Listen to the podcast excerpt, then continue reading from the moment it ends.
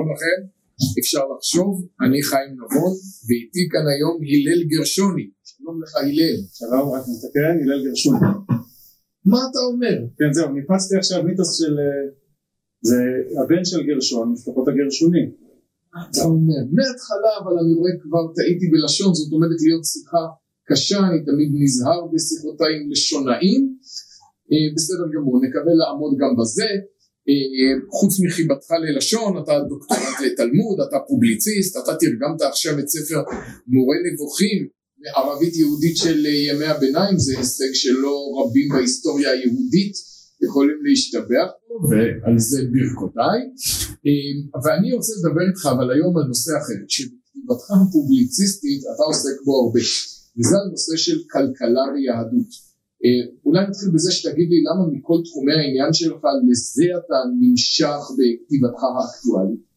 שאלה מעניינת, אה, קודם כל יש לי הרבה תחומי עניין שלא קשורים, אבל אה, בוא נאמר שמכמה סיבות גיליתי קודם כל שזה נושא מעניין שיש, שיש מה לומר בו ושאיכשהו זה מין נקרא לזה גומחה כשהתחלתי לעסוק בזה לא הרבה עסקו בזה בנושא של כלכלה בכלל אה, זה היה מין משהו כזה ששמים בצד ויותר עוסקים עניינים ביטחוניים ומדיניים. רק בעשור האחרון זה התחיל אה, בארץ לצבור תאוצה. פעם ודאי היה עיסוק בכלכלה אבל היה של כלכלנים. זה נתפס כמין עיסוק תת זוטר מקצועי וספציפי מאוד ולא כשאלה שיש משהו כללי להגיד עליה מבחינת השקפת עולם ואם יש משהו כללי להגיד עליה מבחינת השקפת עולם זו הייתה השקפת עולם חד ממדית אה, ואולי לא כל כך מועילה. כן, כשאני הייתי אה, אה, יותר, צעיר מאשר היום, לא שהיום אני זקן במיוחד, היה נהוג לומר שבעוד שבארצות הברית הפער בין ימין לשמאל זה על נושאים כלכליים, בארץ זה על נושאים ביטחוניים. זה נכון במובן מסוים. עדיין נכון במידה רבה. אבל פחות.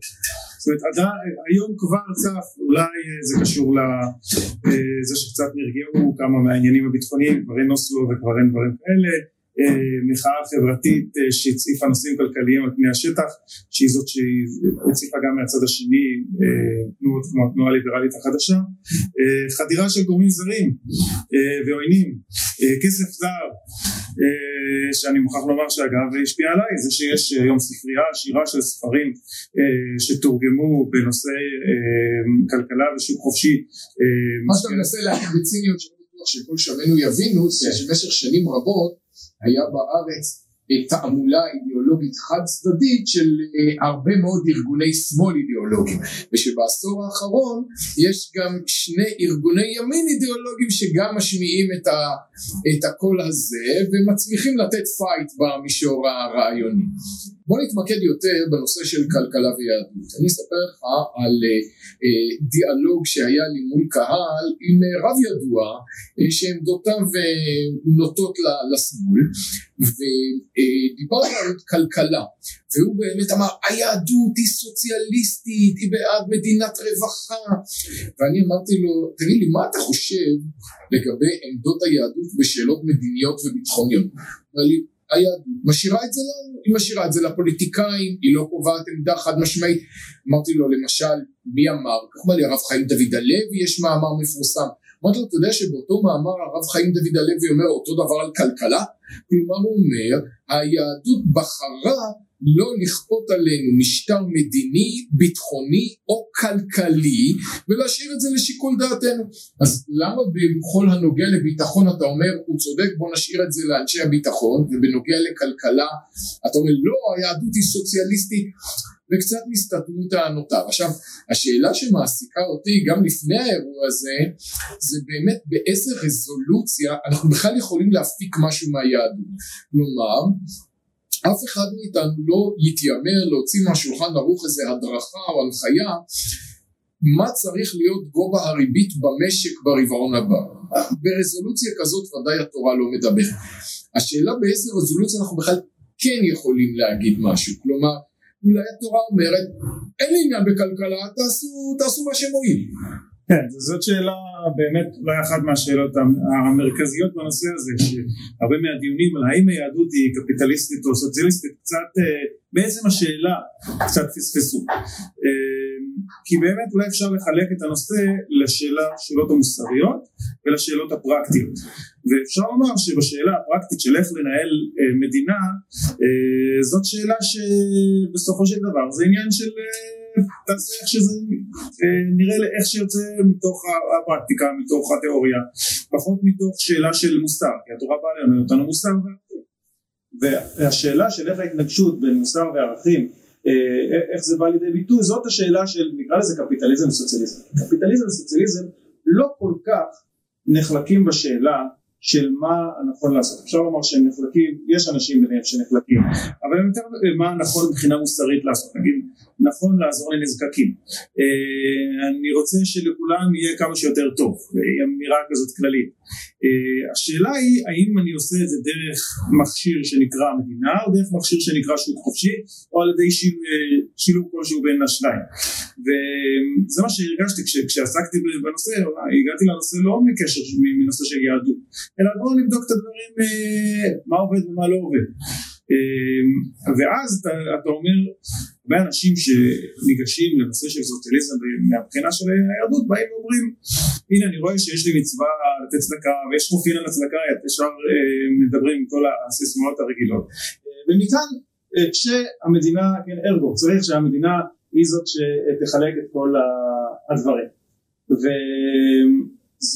והקפיצה הזאת היא הקפיצה הבעייתית. זה שאני צריך לתת צדקה זה היה זאת אומרת לי בצורה חדה וזה בכלל לא קשור למדיניות. זה שאני צריך לצאת צדקה אפשר להגיע לעוד רמה.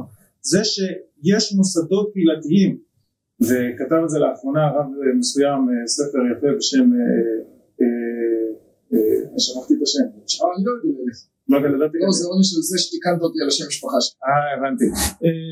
כן אז מדינה גדולה לעם מדינה קטנה לעם גדול. קטנה מדינה קטנה לעם גדול. אמ, אז אפשר לעבור הלאה לרמה של קהילה וגם בזה היהדות בוא נאמר פחות אומר דברים מחויבים אבל יותר מדברת על מסורות שהיו קיימים. אה, היה אולי מנהג לעשות אותם או תקנה כמו אה, אה, תמחוי חלוקה של אוכל בקהילות או חלוקה של קופת צדקה. אבל אנשים שנותנים ואומרים אוקיי בוא ניקח את זה עכשיו אנחנו בעולם המודרני אז עכשיו נעשה גזורת בק ואם בקהילות הקטנות היה אפשר אה, לגבות את, ה, את הצדקה ולחלק לכולם. אז בואו נעשה את זה במדינה הגדולה. ואומנם בקהילות הקטנות זה היה ממש חלוקה של כסף לצדקה ובמדינה הגדולה זה בכלל לא כסף לצדקה אלא מיסים שאחר כך הם אה, מחלקים אותם. אבל בואו נתעלם מהפרטים השוליים האלה כי העולם השתנה והתקדם. ומכאן יוצא שאנחנו, אה, שהיהדות היא סוציאליסטית. כי היהדות תומכת בחלוקה מחדש של העושר. ופה באמת צריך לחלק את הדברים לשתי רמות, רמות, אחת זה הרמה הנורמטיבית של המוסרית של מה שצריך לעשות ומה שנכון לעשות ויש פה שאלה של האם נכון, האם מס הוא שוט האם אה, כמו שנקרא לזה ליברטריאנים אה, בצורה קיצוניים אומרים אסור בכלל אה, אולי אנחנו קפיטליסטים אסור בכלל לקחת כסף זה לא מוסרי לקחת כסף מאנשים, מאנשים בשביל לתת לאנשים אחרים. בנושא הזה אני חושב שהיהדות אומרת אמירה מאוד ברורה. אני לא איתכם. אני, אני לא, אין ביהדות שום איסור על מס או על לקחת אה, כסף אה, אפילו, אפילו בכוח, בכפייה, מאנשים אה, ולתת לאנשים אחרים. מבחינה נורמטיבית אין שום איסור ואדרבה יש הצדקה לזה ודינא דבקולא דינא נאמר בדיוק על גביית מיסים ואסור להעלים מהמכס אז בעניין הזה אפשר לומר שבגבולות הגזרה לצד הימני המאוד קיצוני, אפשר לקרוא לזה ימין, של אה, אסור למדינה בכלל או, או למוסדות אחרים להתערב ולקחת לך כסף בשביל האחרים, אה, בזה היהדות לא נמצאת. אבל מכאן אה, והלאה יש פה עניין של, של שאלה של מה, מה עובד ומה לא, כי מה שאני רואה... השאלה היא לא רק מה עובד ומה לא, בוא נעשה רגע בוא נעשה רגע סדר, אנחנו מסכימים שההלכה, התורה, לא מתיימרים לתת לנו עצות כלכליות מעשיות. ואגב, אנחנו, אני חושב שגם נסכים בזה, שאם שוק חופשי לא היה עובד, אף אחד מאיתנו לא היה מתעקש לנקוט בו מסיבות של פרינציפ. כלומר, נקודת המוצא, חלק מאיתנו, כן. אני מתכוון אני ואתה, שיושבים פה. זאת אומרת, נקודת המוצא לדיון שלנו היא ההתרשמות הברורה שלנו ששוק חופשי באופן כללי עובד לא רע. עכשיו בוא נראה ערכית, יכול להיות שאפילו שהוא עובד לא רע, היהדות תגיד ערכית זה לא טוב, וכאן אנחנו אה, מתחילים לחקור את זה. עכשיו, אחת הדרכים לעשות את זה, היא אגב להשוות את התורה למקורות מקבילים בני אותה תקופה, כמו חוקי חמורבי, למשל אה, יהושע ברמן, יש לו ספר נהדר בשם נבראו שווים, שבו הוא אומר שהתורה נכנסת לחיים הכלכליים בצורה הרבה הרבה יותר מינורית מאשר חוקי חמורבי. בחוקי חמורבי יש מחירונים שהמלך כופה על האזרחים, כמה אתה משלם על חמור, כמה אתה משלם על שור וכן הלאה. התורה בכלל לא עוסקת בזה. השאלה אם אתה מפרש את זה שוב כמין אמירת אין לשוק חופשי או, או על רקע אחר. אבל עיקר עיסוקנו הוא באמת בשאלה אחרת. עיקר עיסוקנו בשאלה ערכית. עכשיו, אנשים שהם נוטים לסוציאליזם הם בדרך כלל בונים איש קש וממשיגים את החשיבה הקפיטליסטית במונחים של אין רע. היינו, באמת יש אנשים שחושבים ככה, אין רע חשבה ככה, וזה אה, לומר אה, לא אכפת לי מהעניים, כל אחד צריך לדאוג רק לעצמו, אה, אדם צריך לממש את אה, אנוכיותו ואסור להפריע לו או לגזול את אה, אה, שלוותו האנוכית זאת עמדה שוודאי סותרת את תורתנו, קל מאוד להראות את זה, התורה מלאה בחובות של אדם כלפי חברו, אבל זאת לא האמירה שאנשי שוק חופשי מצדדים. עכשיו, אבל זה לא שאם פינינו את הזירה מהשאלה הזאת, כל מה שנשאר הוא שאלה של יעילות. גם אנשי שוק חופשי רגילים לבין סוציאליסטים רגילים, בין האנשים שלא בקצוות, יש ביניהם גם מחלוקות ערכיות, לא רק מחלוקות של תועלת. מסכים איתי? כן, שלום, אחת, אחת מה, אני חושב, המחלוקות הערכיות שבעניין הזה היהדות, אני חושב, מצדדת אה, בצד, נקרא לזה ימני, זה השאלה של אה, מה שקוראים שוויון או חלוקה מחדש של העושר. אני לא מכיר בשום מקום אה, אה, את הדבר של בניית אה, דגל של שיהיה אני רוצה שוויון בתוצאות. ואחד מהדברים כמו שלימדנו רבנו תומאס סואל אחד מהפער מהחלטות בין ימין לשמאל זה השאלה של עד כמה אני רוצה שוויון בתהליכים ועד כמה ועד כמה אני רוצה שוויון בתוצאות. גם פרופסור פרדריק חייק עסק בזה. אם אני רוצה שוויון שבסופו של דבר כולם יהיו שווים אז אני חייב לעשות אי שוויון בתהליכים. אני חייב לא להתייחס לכולם באופן שווה כי אנשים לא שווים אחד לשני אז צריך כמו מיטת סדום לחתוך את זה ולהעריך ולמתוח את זה שכולם יהיו שווים. אני חייב לעשות אה, אה, להתייחס לכל אחד ואחד באופן שונה. לעומת זאת אם אני רוצה לא, לא כל כך מעניין אותי השוויון בתוצאות מה שמעניין אותי זה השוויון בפני החוק, שוויון בתהליכים, אז התוצאה תהיה הפוכה. ובעניין הזה אני חושב שהיהדות דיברה על שוויון בפני החוק, כן, אה, בענייני... אה, לא תישא פני דל ולא תהדר פני עשיר, בצדק תשפוט אמיתי. כן, וגם משפט אחד, צריך להיות חוקה אחת, משפט אחד. אה, בעניין הזה התורה מדברת על שוויון בתהליכים. בצורה מאוד מאוד ברורה. ואין בתורה שום דבר שהוא שנאת עשירים אה, התנגדות לזה שיהיה אחד שהוא עשיר ואחד שהוא עני אדרבה כל המקורות שאני מכיר מדברים על זה שיש לנו אנשים שהם עשירים רבי מכבד עשירים אפשר אולי להתייחס בחשדנות לעשירים או, אבל אין שום אה, מקור שאני מכיר שמדבר על אה, בעיה בזה ש, אה, שיש אי שוויון כל העניין של אי שוויון אה, אני לא מכיר אותו כבעיה מוסרית שהיא אחת מהבעיות המשמעותיות שהשמאל מדבר עליהן של יש אי שוויון. זאת נקודה שצריך להדגיש אותה באמת שאני חושב שמי שעשה כאן עבודה נהדרת זה פרופסור בני פורט מהאוניברסיטה העברית. אתה עצמך שייך לחוג לתלמוד אני אה, כמובן מכבד את אבותיכם את עבודותיכם עם הגרסאות והתוספתות וכן הלאה. מי שבעיניי אה, עושים עבודה שהרבה פעמים יותר רלוונטית לדיונים הערכיים שלנו זה אנשי המשפט העברי. אה, ובני פורת אני חושב שנתן לנו איזושהי המשגה מאוד מועילה שהוא אמר אתה לא מוצא בתורה אה, את ערך החירות הכלכלית כמעט. אתה לא מוצא בה את ערך השוויון הכלכלי אתה כן מוצא בה אחווה.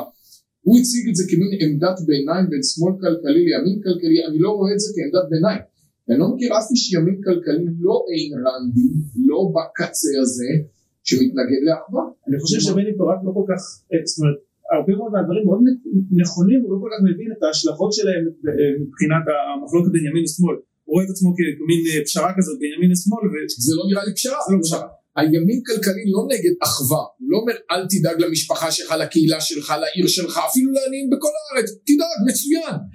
לא באופן שמעוות את מנגנוני הכלכלה, אלא בעזרה ישירה, ממוקדת, אה, מאיש לאיש, מקהילה לקהילה, אפילו ברמה של המדינה, אבל לא באופן שמסלף את ה... מנגנוני הפעולה הכלכליים. בכל אופן האמירה שלו, הוא, הוא מסכים עם מה שאמרת עכשיו, לא מצאתי בתורה כולה אמירה בשבח שוויון כלכלי, כלומר התורה לא רואה כבעיה את זה שא' עשיר יותר מב', הבעיה בערך השוויון החברתי או הכלכלי, כן שוויון בתוצאות כמו שאתה הגדרת, הבעיה איננה שזאת אוטופיה שאי אפשר להשיג אותה, הבעיה הפוכה הבעיה היא שזאת מטרה שקל מאוד להשיג אותה, פשוט מושכים את כולם למטה, וזה נעשה בהקשרים רבים. משרד החינוך למשל אוסר על רשויות מקומיות עשירות לממן כיתות לימוד יותר קטנות כי זה יפגע בערך השוויון. עכשיו, איך פוגע בי במודיעין אם תלמידים בתל אביב יהיו בכיתה יותר קטנה? במה זה מקדם משהו?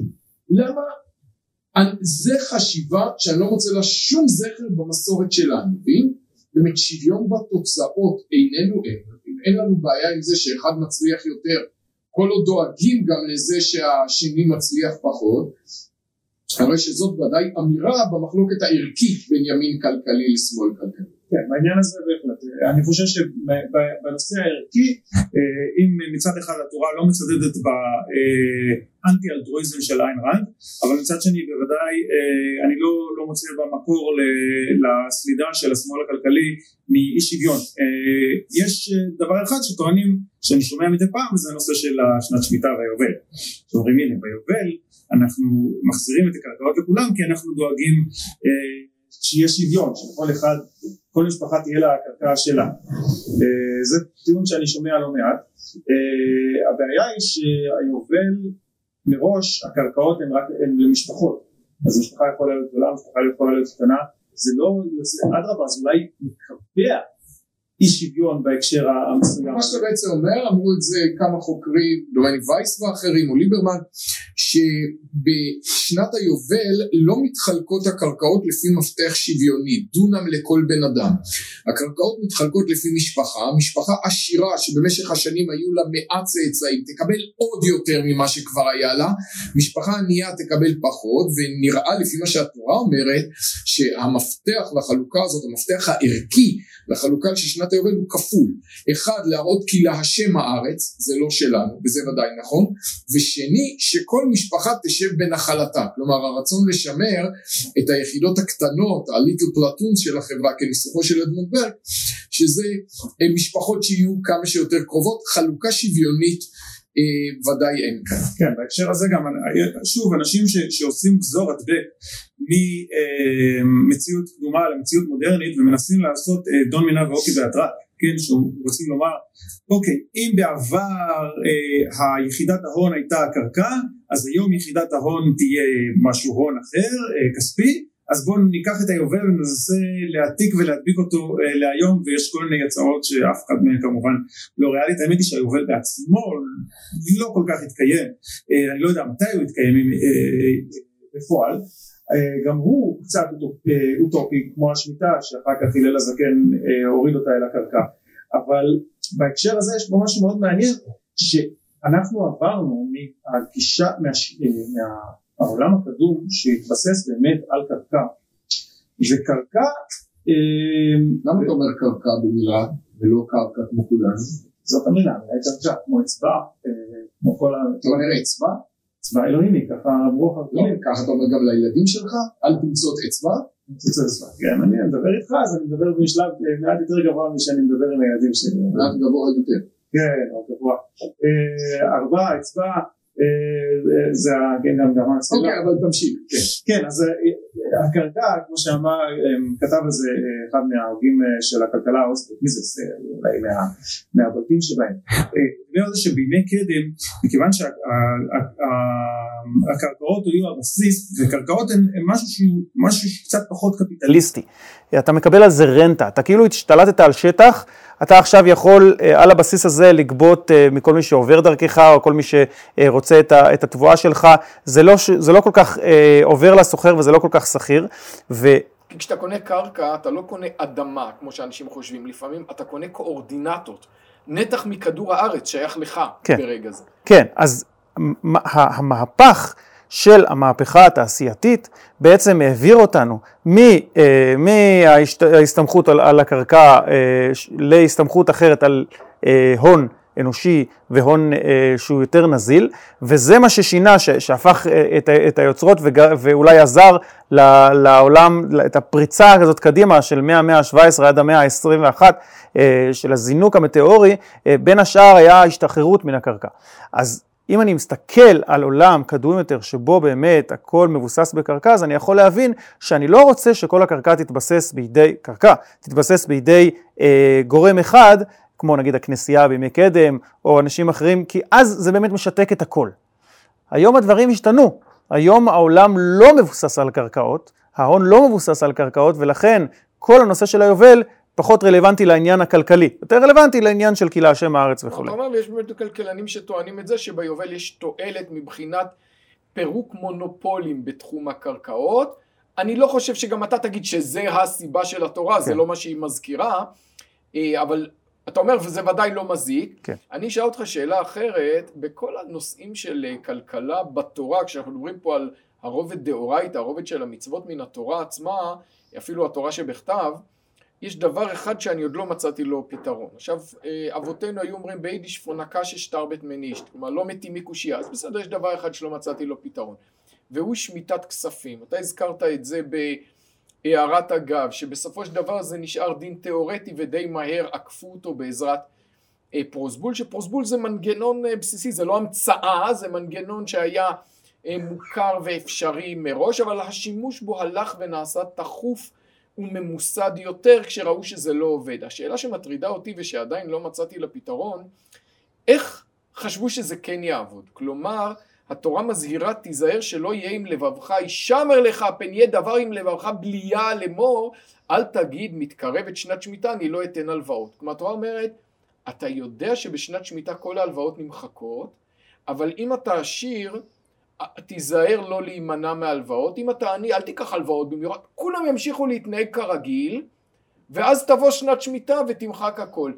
זה סותר כל מה שאנחנו יודעים על הטבע האנושי, כלומר המחשבה שאנשים ימשיכו להתנהל כרגיל, זה ייתן הלוואות, זה ייקח הלוואות, כאילו שום דבר לא עומד לקרות, איך זה היה אמור לעבוד אי פעם? כן, זה, זה מזכיר לי משהו שאמר משה צבי סגל אה, באחת מהנקודות שלו כראיות לזה שספר דברים הוא ספר אה, אוטופיסטי שנכתב לפני הכניסה לארץ. במחלוקת הגדולה של מתי נכתב ספר דברים, אז הוא, הוא אה, רצה לטעון שספר דברים בכל זאת, אה, בניגוד למקובל אה, במחקר אה, עוד מהמאה ה-19, לא נכתב ימי יאשיהו, אלא נכתב במדבר. הוא אמר, הנה אתם רואים שכל דיני השמיטה והיובל ושמיטת כספים, הם דברים שתכלס לא היו יכולים להתממש בפועל. זה רעיון אידיאלי, יפה מאוד בתיאוריה, בפרקטיקה הוא לא היה יכול לעבוד. ואתה מקבל את זה? שזה אז, דרוש וקבל שכר? לא, זה כמו אז, בן סורר ומורה? אז קודם כל אני אומר, אה, אני, אני שם, קודם כל אני מניח את הדבר הזה על השולחן. דבר אחר וקצת הופכי אני אגיד על השולחן, היו שמיטות כספים בימי קדם, כמו שהייתה שמיטה בימי קדם, שמיטת לא, קרקעות. הם היו בהפתעה. הם היו בהפתעה. ומה שהתורה עשתה זה שהיא הפכה את השמיטה אה, למשהו, את, גם את השמיטה וגם את שמיטת הכספים למשהו ממוסד. בואו ו... נסביר רגע רק לצופינו כן. ומאזיננו, שמיטת כספים בהפתעה היא דבר שיכול לעבוד, מדי פעם עשו אותו, מלך עלה לשלטון ועשה מחיקת חובות לכולם, כי כשאתה לא צופה אותו זה לא משפיע על ההתנהגות שלך מראש. אם מלכים עושים את זה באופן תכוף, זה כבר כן אה, נכנס לציפיות שלך, אבל כל עוד זה משהו חד פעמי בהפתעה, גם מדינת ישראל עושה את זה. מדי פעם מס הכנסה מכריז שמי שיחזיר עכשיו אה, חובות עבר יקבל הנחה גדולה. זה בעצם מין שמיטת חובות כזאת, וכיוון שהיא בהפתעה היא לא משפיעה על ההתנהגות שלך. הבעיה היא בתורה שזאת לא הפתעה, ולכן זה משבש לגמרי את כל המערכת הכלכלית. כן, ואולי, אם תרצה לומר, זה לא הבעיה, אלא, אלא הפתרון. זאת אומרת, מראש כשהתורה אומרת הישמר לך פן יהיה דבר עם לבבך בליעל, היא כבר שמה את הדברים שאומרת, אני יודעת שזה לא הולך לעבוד בחלק גדול מהדורות. זה משהו שיכול לעבוד אצל דורות מאוד מאוד צדיקים. רק אצל האידיאליסטים הראשונים, או בזמן של מהפכות, רק אז הדברים האלה באמת יכולים לעבוד, שלשם ילך פן יהיה דבר לבבך בליעל, וקרבה שנת השבע שנת השמיטה, ובכל זאת אני, אני אלווה לעני, אבל בשביל זה לא יעבוד. ואני חושב שהלל הזקן, את זה הוא קרא בתורה. זאת אומרת, הוא אה, קרא, אולי נקרא לזה קריאה חתרנית בתורה, והוא הבין שהתורה רומזת לנו אולי שזה יכול לעבוד רק בנקודות מאוד אה, מסוימות. זה קצת מזכיר לי את הסיפור על הדיון על קיבוצים. יש, יש דיון בנושא, נכתב איזה ספר לא מזמן, אה, כלכלי, איך הקיבוצים בכלל יכלו לעבוד? איך, איך היית נותן לכלכלן את הנושא של קיבוץ ויגיד לו איך, אה, האם זה יכול לעבוד? אז הוא אומר לא, זה לא יכול לעבוד. טוב, הם עבדו בסובסידיה אה, ענקית מהמדינה. אז קודם כמובן, כמובן, התשובה היא, יש הרבה שאומרים, זה באמת לא עבד, זה עבד אך ורק על ידי סובסידיה אה, מהמדינה. זה אה, תשובה אחת שהיא נכונה בחלק גדול, אבל יש חלק אחר שהקיבוצים יכלו להמשיך ולעבוד. אה, ולחיות אך ורק עם אה, כמה וכמה תנאים. זה היה צריך להיות חברה מאוד הומוגנית, זה היה צריך להיות אה, אנשים אידיאליסטים מאוד בהתחלה שלהם, זאת אומרת, היו צריכים גם לסגור את הזה, הם, הקיבוצים לא קיבלו אף, אה, אף גורם, זה, כשהייתה עלייה גדולה ממרוקו, מצפון אה, אפריקה, הם לא הסכימו לקלוט אף אחד מהם, למה? כי זה היה הורס את כל המודל של הקיבוץ. כל המודל של הקיבוץ, אה, מכיוון שהוא מה לא... מה שגרם לקרע גדול בין בן גוריון לתנועה הקיבוצית, הוא מאוד כעס עליהם. הוא מאוד כעס עליהם, אבל מבחינתם, תקרא לזה גזענות, אבל בצדק הקיבוץ לא היה יכול לפעול אם זה לא אנשים שהם יכולים להפעיל לחץ אחד על השני, עם אותן מטרות ואותם דברים. זכותם להגיד שאולי זה לא גזענות, כי גם, גם הרבה אשכנזים הם לא קיבלו. כן. כלומר, זה עניין אידיאולוגי. זה עניין של אידיאולוגי ועניין של, של אחרת באמת, הקיבוץ היה מתפרק, והוא באמת מת, מתפרק לו לאיתו, אבל הרבה יותר לאט ממה שהיית מדמיין. חוץ מהעניין של הסובסידיות שכמובן קיים, קיימות, זה גם עניינים של... אה, יש בעולם הרבה, מעבר לתמריצים הכלכליים הרגילים, יש עניין של איך חברה, אה, נורמות של חברה, וככל ש... כמו שתמיד מדברים איתנו על שוודיה, אה, יש נורמות שיכולות למתן את הלחצים הכלכליים של כל אחד רוצה להגדיל את הנתח שלו, גם בעולם היהודי, בקהילות, אה, מתחים, לחצים כאלה קיימים, ולכן שמיטת כספים אולי יכולה לעבוד בחברה מאוד אידיאל, אידיאליסטית מאוד קטנה. מה שאתה אומר בעצם, שבקיבוץ יש אותו היגיון פנימי שהביא את היהדות להעביר את מנגנוני הצדקה לקהילה. אתה אמרת קודם הרבה דתיים, לא, פעם היה יותר אולי, הרבה, היום מעט, אומרים בוא נעתיק את מנגנוני הרווחה של הקהילה, נעתיק אותם למדינה. כמו שבקהילה היה גבאי צדקה שגבה מכולם וחילק לעניים, שיהיה במדינה ויקראו לו שר הרווחה. וזה לא ככה, המעבר בסדר גודל משנה את זה, אולי נגיד למה הוא משנה את זה. כי בקהילה קטנה כולם הכירו את כולם. הגבאי ידע ממי הוא לוקח, למה הוא לוקח, כמה הוא לוקח ולמי הוא נותן. שחיתות הייתה, הייתה, אבל באופן בסיסי הייתה היכרות בסיסית בין אנשים, וכמו שאנחנו יודעים שקורה בפועל בקהילות קטנות, אנשים נותנים יותר בשמחה מתוך מערכת יחסים אישית. אנשים יודעים למה הם נותנים. המקבל, גם אם זה מתן בסתר, הוא יודע שיש ממנו ציפיות מסוימות, שהוא יעמוד על הרגליים. העזרה היא הרבה פעמים לא עזרה של כסף, היא עזרה של בוא אני אעזור לך למצוא עבודה, מה שקורה הרבה פעמים בין, בין שכנים לחברים, מה שהרמב"ם אומר זה המעלה הגדולה ביותר של הצדקה. כל הדברים האלה לא קיימים בכלל כשמדובר על בירוקרטיה ממלכתית לא אישית שקובעת נהלים נוקשים גם למי היא לוקחת, כמה היא לוקחת וגם למי היא נותנת וכמה היא נותנת באופן שהמקבל כבר לא רואה את עצמו מסתייע בדרך לשיקום אלא גובה זכות שמגיעה לו ושלא תמיד הוא רואה צורך להיחלץ מה, מהמצב הזה. ובאמת אה, היכולת של היהדות לקיים הרבה שנים קהילות שהייתה בהן עזרה הדדית עמוקה היא ודאי מופת בשבילנו. אבל היא מופת שאנחנו צריכים לחכות כמה שאפשר מתוך אינטראקציה אישית. זה מה שקורה בפועל בתוך משפחות אה, בתוך קהילות במידה שהן קיימות הרבה פעמים אומרים לי היום אבל אין קהילות כלומר על זה גם כתבתי בספרי מדינה קטנה לעם גדול שלמרות שהוא לא עוסק בענייני כלכלה אני עוסק בהיבטים של אה, הקהילה מזווית אחרת. הרבה פעמים אנשים אומרים לי, אתה כותב בעד חיים קהילתיים, אבל אין. אני אומר מה שכתב הסוציולוג האמריקאי הגדול רוברט ניסבט, שאמר, מה זה אין קהילות? ריסקתם אותם. כלומר, כשהמדינה לוקחת על עצמה את כל התפקידים של הקהילה, ברור שהקהילה מתנוונת, ובכל מקום שהמדינה לוקחת צעד אחורה, אתם תראו קהילות משתקמות, אנשים צריכים את החיים הקהילתיים האלה, ובסיס לחיים קהילתיים יכול להיות קודם כל רשות מקומית.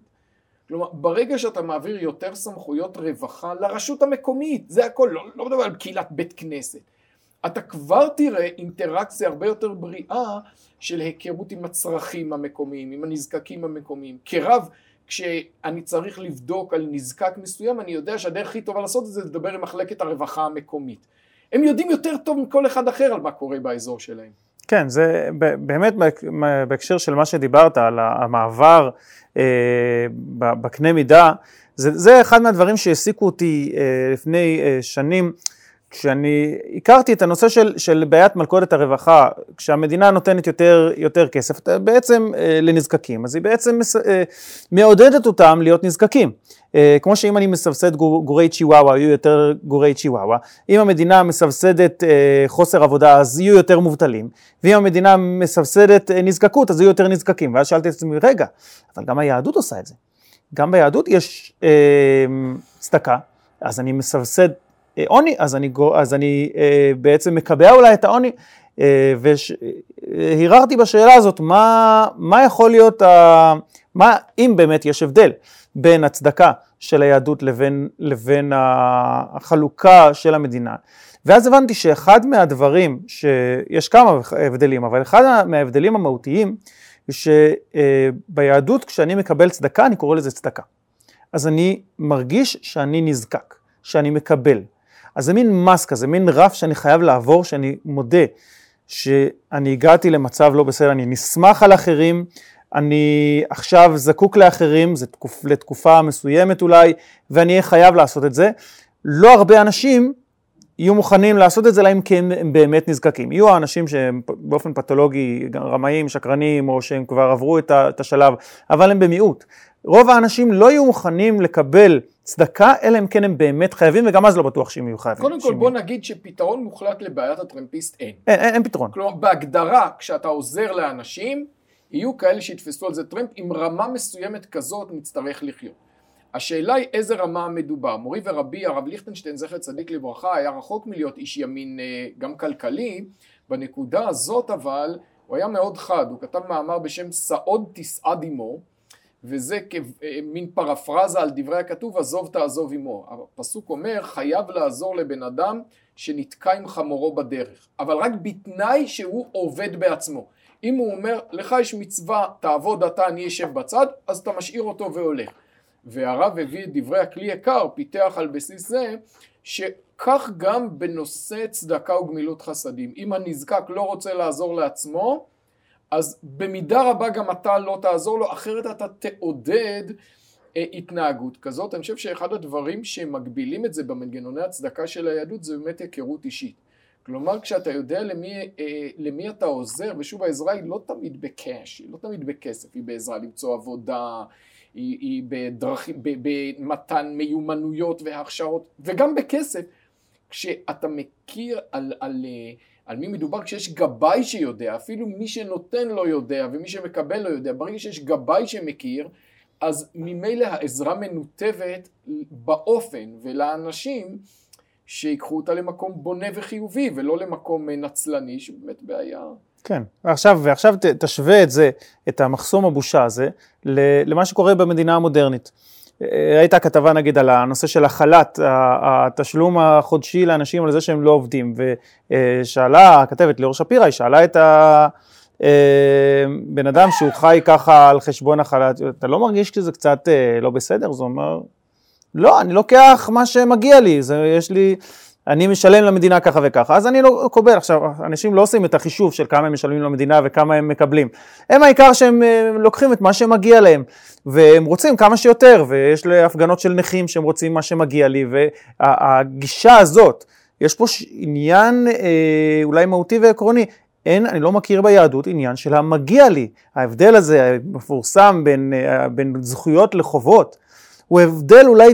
כלומר שהאתיקה המודרנית מבוססת על זכויות, בעוד האתיקה היהודית מבוססת על חובות. כן, עסקת בזה קצת בספר שלך גם כן, אה, אה, בנושא הזה של מה, מה באמת ההבדל, האם זה לא, זה לא עניין נגטיבי, זה לא עניין של נגטיבי. אה, בוא, פעם אחרת. זה פעם אחרת. לא, אז, אז, אז זה, זה, הנושא הזה, הוא, יש לו השלכה של איך המערכת אה, בכלל אה, עובדת. כי אם זה מבוסס על חובות, אז אני לא בא ודורש את הדברים האלה, אני לא בא ומרגיש ה-sense of entitlement, שזה מגיע לי. כן. אז אה, זה דבר שהוא משפיע בכלל על המדיניות. לסיום אני אשאל אותך אה, אולי עוד שאלה אחת, וזה שבארצות הברית אנחנו רואים היום אה, נהייה דווקא לכיוון הפרוגרסיבי מבחינה כלכלית. זה הטרנד ודאי בתקשורת, אבל התחושה היא גם בציבור, ובישראל התחושה היא אחרת. כלומר בישראל בעשור האחרון באמת יש, אה, יש תנועה הפוכה, אה, עד כדי כך שהיום כשאם אני מביע דעותיי בענייני כלכלה, לפעמים רוב הביקורות שאני מקבל הם מימין מחברינו הליברטריאנים, שאומרים אתה סוציאליסט, סמכותני. זה, זה מרענן לקבל את הביקורת הזאת, בזמן האחרון אני, אני, מקבל את זה, אני מקבל את זה יותר ויותר. מה הופך אותנו בהקשר הזה לכל כך שונים ממה שקורה בארצות הברית? אה, יכול להיות שאנחנו פשוט אה, כרגיל 20 שנה אה, אחריהם, זאת אומרת, הגל הנקרא לזה ניאו-ליברלי התחיל בעולם בשנות ה-70 וה-80 אה, כתגובת נגד ל... אה, בתחומים אחרים, בתחומים אחרים אה, אמר. חברתיים ותרבותיים אתה רואה אישור קו היום בין ישראל לארה"ב. בעידן הנטפליקס כבר אין פער של 20 שנה. כלומר אתה לא רואה בענייני משפחה שהאמירות הרווחות בישראל שונות ממה שנאמר הברית ולא בנושאי תקינות פוליטית. אה, יכול להיות שבאמת קורה פה משהו, בכל זאת יש, יש הבדלים, יכול להיות שזה פשוט בגלל שיצאנו ממקום אחר, כלומר נקודת המוצא בישראל הייתה כל כך חד-ממדית עד שאולי גילוי של חשיבה כלכלית ערכית אחרת היה, היה לישראלים, אני לא יודע, בארצות הברית אה, הבעיה היא, היא קשה גם כי מצד אחד יש לנו השמאל שמאוד אה, בעד עכשיו העלאת מיסים ו- ו- וחלוקה מחדש של העושר וגרין ניו דיל, אבל הימין גם כן אה, כשהוא היה בשלטון אה, הוא העלה מכסים ו... כלומר, הימין בארצות הברית, הימין הטראמפיסטי, כן. הוא לא קפיטליסטי, הוא פופוליסטי. אה, כן, הוא יותר עניין של, של בואו בוא, אה, נעזור הוא לעסקים. לשמור את הכסף לאמריקה. כן, בוא נעזור לעסקים מלמעלה, אה, שגם הוא לא כל כך, אה, זה לא כל כך חכם מבחינה כלכלית, פשוט מכיוון אחר. אז אני לא יודע אה, להסביר מה, מה ההבדל בין אה, ארה"ב לזה, יש בוא לנו, נסתפק מדברים בשפות אחרות. בלדבר בתוך אה, מסגרתנו והחברה שלנו. כן. הלל גרשוני, אה, נעמת לי מאוד, אה, תודה, ש... תודה שבאת ותודה לכם. תודה רבה.